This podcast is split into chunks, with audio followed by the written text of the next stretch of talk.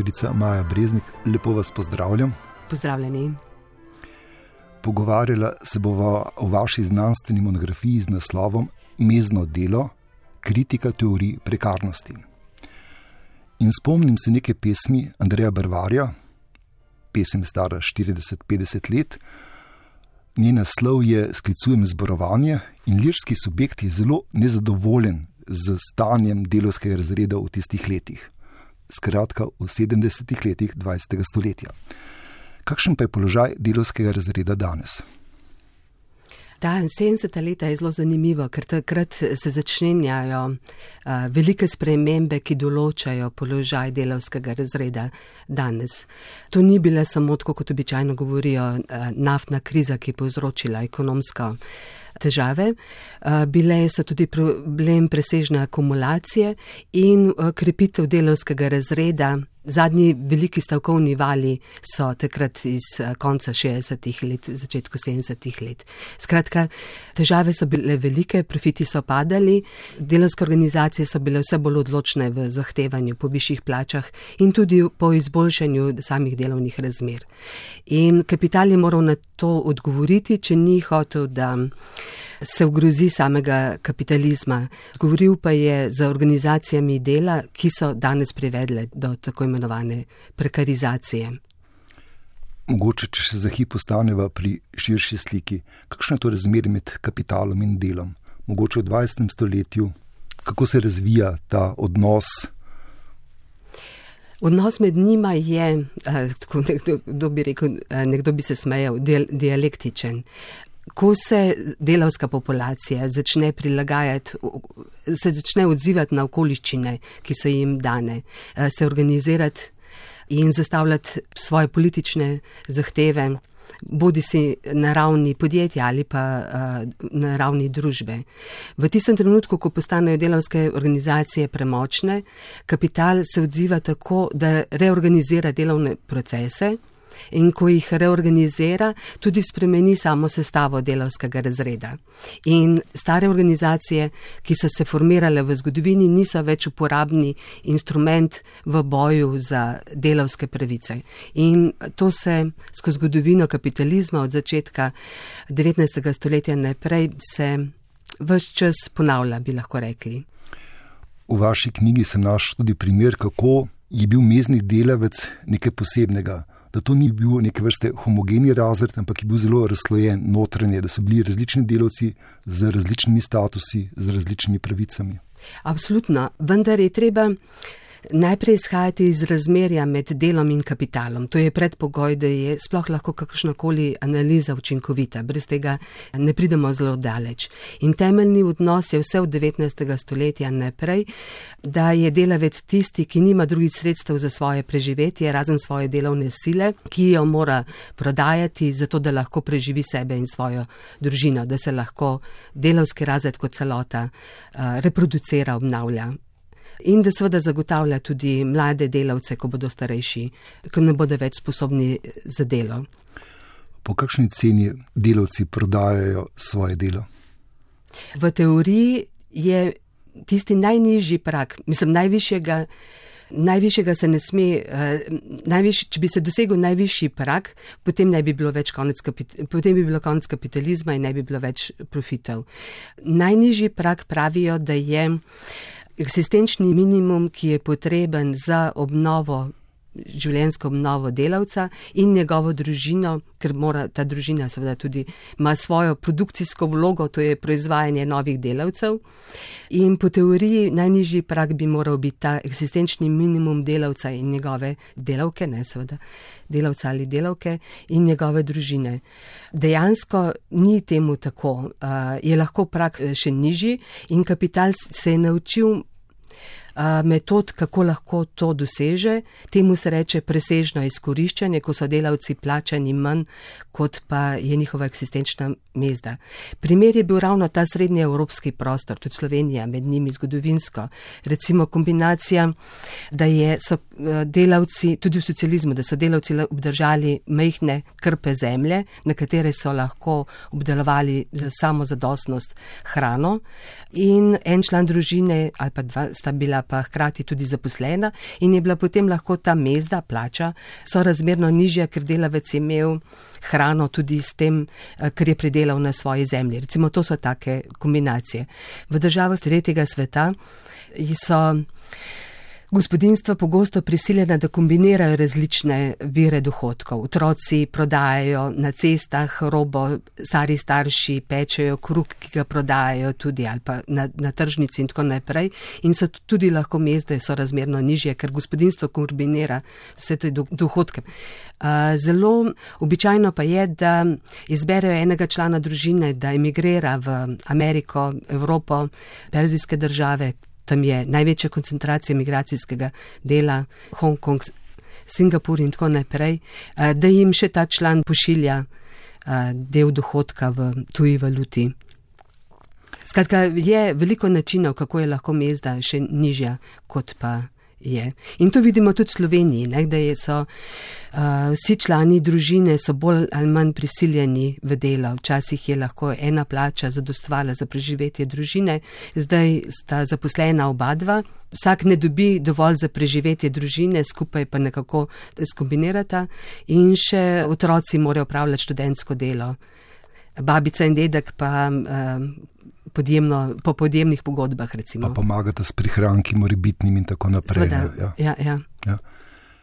Kaj je takšna organizacija dela, ki ste jo pravkar upisali, pomeni za enakopravnost spolov?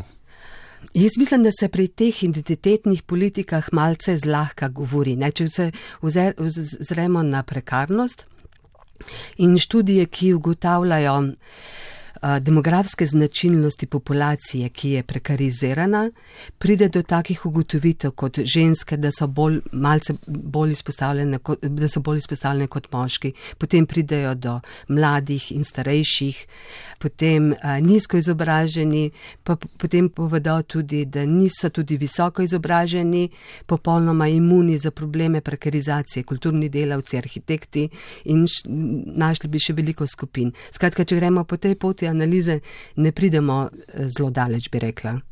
Skratka, vi bi dali prednost neke vrste razredni analizi. Mislim, da ja, tudi če vzamemo primer žensk, recimo, to niso skupina, družbena skupina, ki bi imela enotne uh, interese.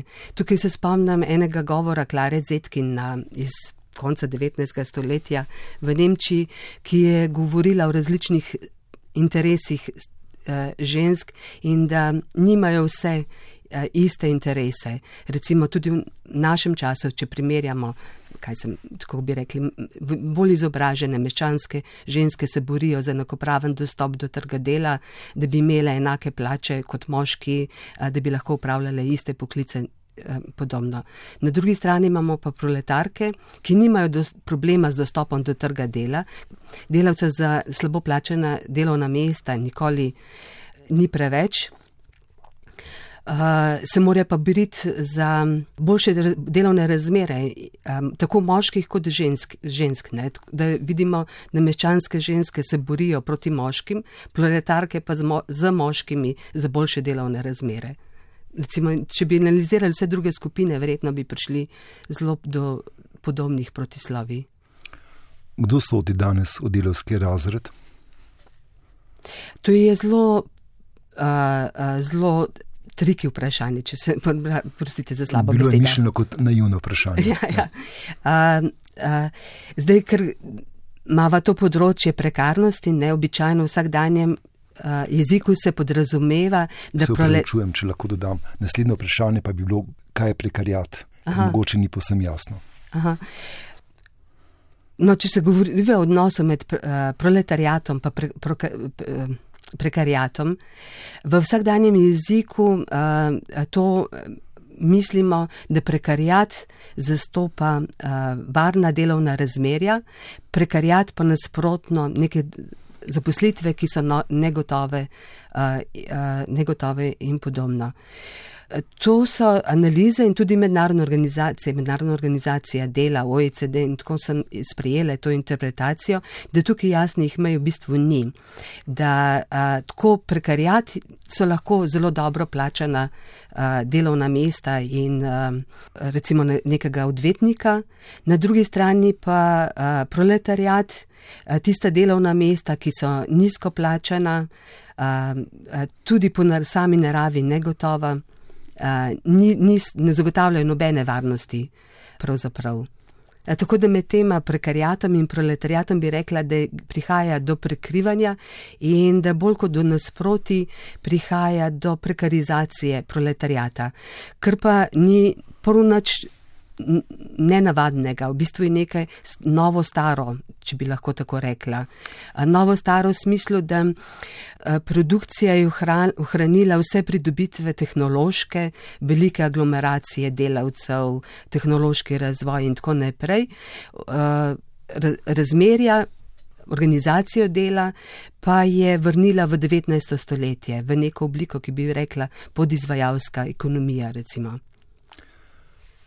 nekoliko hipotetično vprašanje in vendar, kako se bo ta odnos razvijal, ker tehnologija se kontinuirano razvija. Vi ste dejali, da so ta razmerja spominjajo bolj in bolj na 19. stoletje. Kakšna bo prihodnost?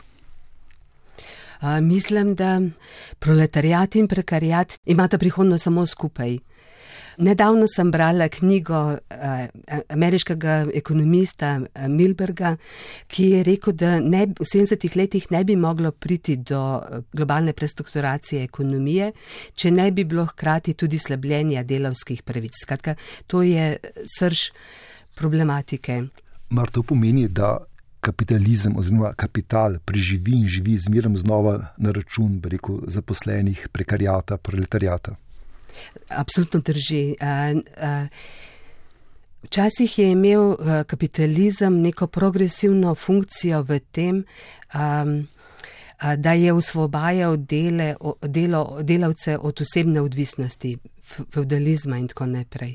Zdaj v zadnjih desetletjih pa vidimo, da zgublja, vse bolj zgublja to svojo progresivno funkcijo in da upa, raziskave opažajo, da vse v po vsem svetu se na mesto, da bi se povečevalo število svobodnih meznih delavcev, se povečuje obseg nesvobodnega dela. Tu ni so oblike suženstva, tlačanstva in tako naprej, vendarle pa so ljudje, se porajajo, se nastajajo mehanizmi, kako osebam onemogočiti izstop iz izkoriščevalskih razmerij, če bi tako rekla. Če ostaneva za hip še pri nesvobodnem delu, pri tem odnosu izkoriščevalskem, ki je strukturen, bi morda dali kakšen primer, kako to poteka, mogoče primer iz Slovenije. Um, Tukaj, ta, to je moje zadnje poglavje v knjigi in v bistvu uh, ni več analiza literature, ne, ampak je že moje bolj recimo, da sem odtavala od te, tega, tega izvornega načrta. Uh, jaz bi rekla, da avtori običajno nesvobodno delo, tudi v um, zakonskih podlagah je nesvobodno delo vedno povezano z zunanjo prisilo. Recimo spolne delavke se običajno dajo za primer, uh, ki uh, jih na neki način s fizično prisilo ali z drugim ležmi, prevarami in tako naprej uh, prisiljujejo v to delo.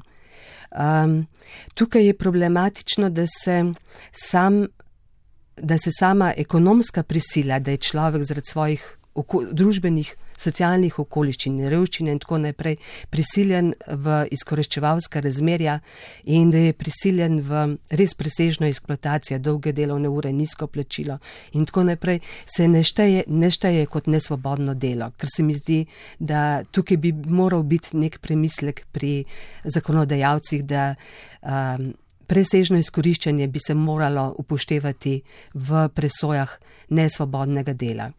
Kaj je pa moja posebna intervencija tukaj, pa je um, razmišljanje o formalni analizi, da je treba ločiti meznega delavca kot nosilca svoje delovne sile in lastnika svoje delovne sile. Zato prestrukturacijo v 70-ih letih se dogaja, da delavec ne more več sam prodajati delov, svojo delovno silo, da, mora, da je vedno več okoliščin, ko mora to svojo pravico prenašati na nekoga drugega. Kaj mislim s tem na nekoga drugega? To so agencije za začasno zaposlovanje, servisi, podizvajalci oziroma celo podjetja v teh globalnih verigah, produkcijskih verigah, ne, so tudi njegovi neko, kako bi se rekli, makro, makroji. Uh, Zanima me ne. vaše mnenje, etično, osebno. Ali je v redu, da v javnih zavodih delajo tudi ljudje preko teh servisov, preko agencij, naprimer čestilke, čestilci. Ta, ta primer zelo dobro pokaže dvoličnost teh držav pri problematiki uh, prekar, prekarizacije dela. Ne? Če bi imele resnične namene, potem bi lahko brez, ker država je tudi delodajalec v določenih eh, dejavnostih. In če bi hotela, bi kot delodajalec lahko dala, dajala zgled podjetjem uh, in omejila prekarnost te vrste v svojih vrstah. V minulih letih smo v Sloveniji imeli kar nekaj levo-sredinskih vlad ali so se te vlade ukvarjale s problemom prekarijata? Jaz mislim, da so se ukvarjale zelo veliko. Imamo to veliko reformo leta 2013, potem Cerareva vlada je pripravljala tri leta uh, zakon, uh, študije, kako odpraviti prekarnost. Zelo uh, zanimivo pa je, da je temperala te študije na konec svojega mandata. Uh, potem Ko pa so bile upravljene, so si pa obrisali roke. Skratka, uh, ni interesa, da bi se prekarnost uh, odpravljala, kvečemu nasprotno uh, se spodbujajo, včasih ne proaktivno z zakonodaj, zakonodajne spremembe, spremembami, uh, temveč tako, da se določenih zakonov ne izvaja in na tem področju je zelo veliko te, tega. Kot raziskovalka vse čas upozarjam na nekatere primere in odziv je nikakršen. Imate mogoče kakšno razlago, zakaj ta pasivnost? Glede, nimamo več nacionalnih ekonomij. Gospodarstvo se je globaliziralo, produkcija se je spremenila v globalne verige, ki v svetovnih regijah iščejo čim cenejše delovno silo, uh, vzdolž te verige pa porajajo sweatshops, kot se reke, reče, mogoče bi lahko to prevedli kot znojilnice. In v teh okoliščinah države bi se lahko postavile na stran interesov svojih ljudi, delavstva, postavljajo se na stran interesa kapitala, poskušajo zato, da bi lahko pritegnile čim, ve, čim več mednarodnih investicij, morajo biti konkurenčne, konkurenčne pa so lahko ko jim zmanjka tehnoloških uh, sposobnosti in inovacije, z zniževanjem mest in zniževanjem standardov uh, dela. Ne? In vendar, družba se tehnološko izjemno razvija. A mislite, da potem delo ne bo več potrebno čez nekaj časa? Ne, občutek imam, da je to izkoriščeno, o katerem vi pripovedujete, ne? nekako odveč. Kajti, če se družba tako tehnološko razvija, zakaj je potem potrebno izkoriščati ljudi preko servisov, agencij in tako naprej? Meni se poraja podobno vprašanje kot vam. Uh, lejte, uh, kaj v 20 letih uh, 20. stoletja, skratka pred stotimi leti, so sprejeli 8-urni delovnik. Oziroma, prve um, mednarodne organizacije dela je prve, prve pobude v zvezi s tem so bile sprejete. Medtem se je produktivnost dela podeseterila, postoterila. Ne? Delovni čas je postal še vedno isti. Skratka, vsi pogoji so, uh, da bi se lahko delovne razmere izboljševale, skrajševal delovni čas, uh, ljudem dovoljeval, da namenijo več časa študiju, družinam. Ne, ne, sam, ne samo luksus, ne samo, ne, ne govorim tukaj o, pač o prostem času za zapravljanje, ampak potrebe, ki jih imamo ljudje, da se lahko razvijamo, beremo, študiramo, uh, se družimo, uh, se razvijamo politično, ne, kot politični subjekti in podobno. Skratka, vsi pogoji so ustvarjeni, da bi se lahko zadovoljali v večji meri te potrebe. In?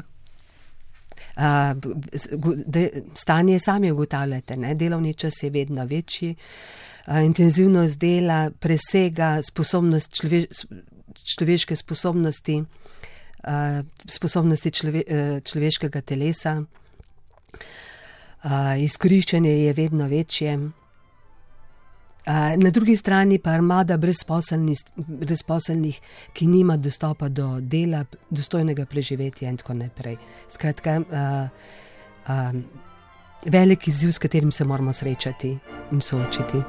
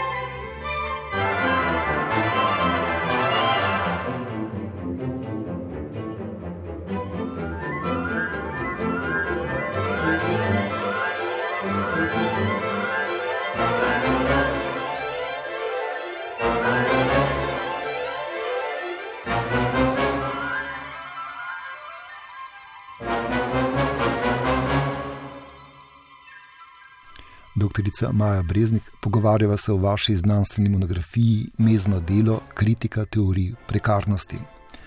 Kako ste knjigo zasnovali? Kaj me je gnalo k tej knjigi? Vi ste v znanstvenem okolju, oziroma akademiki, so tudi nagnjeni k sanjarjenju in znanstveni fantastiki. Zato je del samega znanstvenega dela tudi, da se sproti delajo revizije um, konceptov, prijemov, metodologij. Pač to delo preverjanja preteklega dela je del nastajanja novih, no, no, novih analiz. To je neizogibno.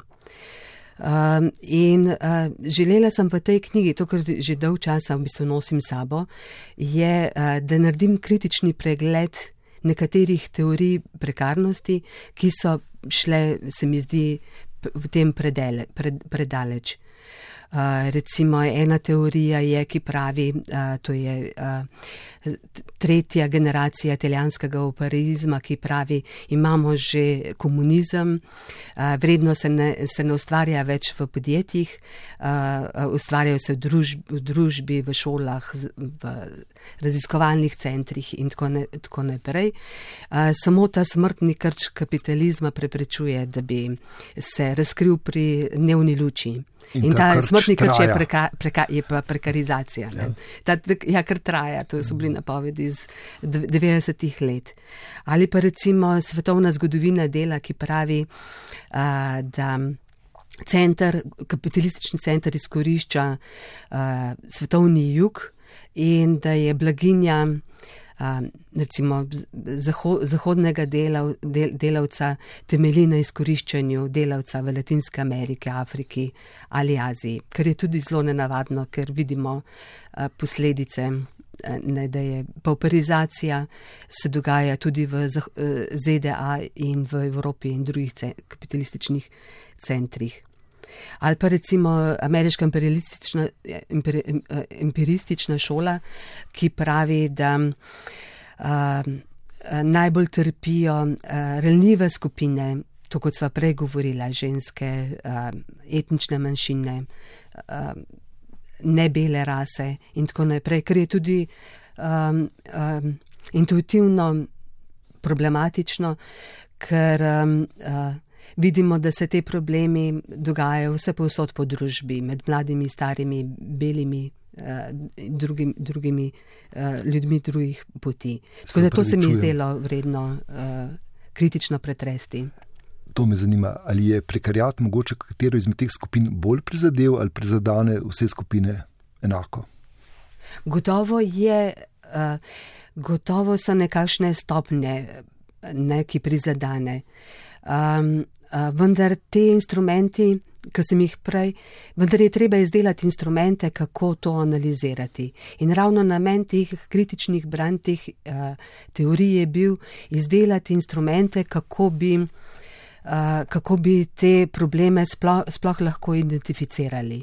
In eden teh instrumentov je soizkoriščanje delav, soizko, soiz, problem soizkoriščanja. Namreč ta hipoteza, ki je pred uh, bila uh, zelo popularna med uh, uh, svetovnimi gibanji, da obstaja en procent prebivalstva, ki izkorišča ostalih 99 procentov prebivalstva, je, je zelo ne, nevzdržna. Ta procent ne bi mogel držati v svoji pesti 99% prebivalstva. In koncept soizkoriščanja pomaga razložiti, zakaj, zakaj, zakaj se ta sistem lahko reproducira. Da ta procent oziroma kapitalistični razred mora delegirati nekatere svoje funkcije. Uh, Delavc, delavcem. To so funkcije nadzorovanja, upravljanja, načrtovanja delovnih procesov, uh, raziskovanja in uh, izdelovanja novih inovacij in tako naprej. In delavci, ki upravljajo te, te procese, uh, niso, ne dobivajo samo mezdo, kot uh, recimo proletariat, oni dobivajo še del uh, presežne vrednosti. Naj poleg mezde ki temelji na, recimo, na neki domnevi, vsi naši želodci so enaki, se pravi, morali bi biti vsi, pribli, vsi enako za zadovoljevanje naših potreb. Uh, Tudi ne, te, ta skupina delavcev dobi mezdo, plačo in še del presežne vrednosti. To se pa kaže v sodobnosti s temi ksestnimi pla, plačami uh, direktorjev. Uh, predvsem uh, uh, direktorjev podjetij, finančnikov in podobno. Na moje naslednje vprašanje ste nekoliko že odgovorili in vendar, kako lahko teorija pomaga proletarijatu in prekarijatu? Mislim, lahko bi mi učitelji, da to knjiga ni namenjena delavcu tovarne. Verjetno ne bo zelo zadovoljen, bo, če bo dobil to knjigo v roke. Vendar pa verjamem, da pravilna postavitev vprašanj in analiza lahko pomaga reševati družbene probleme, da se sploh vemo, o čem, kaj je temeljni problem. Kateri in to je naša problemi, naloga. Ja. Ja. In za konec še nekoliko osebno vprašanje. Zanima me vaše veselje pri snovanju takšne knjige, pri pisanju teoretskih, metateoretskih tekstov. Uh, mislim, da moje življenje ne bi imelo smisla, če se ne bi mogla ukvarjati. Mislim, to štejem kot svoj velik privilegij, da lahko to delam. Doktorica Maja Breznik, hvala za vašo znanstveno monografijo Mezno delo, kritika teorij prekarnosti in hvala za pogovor. Najlepša hvala za povabilo in hvala za ta prijeten pogovor.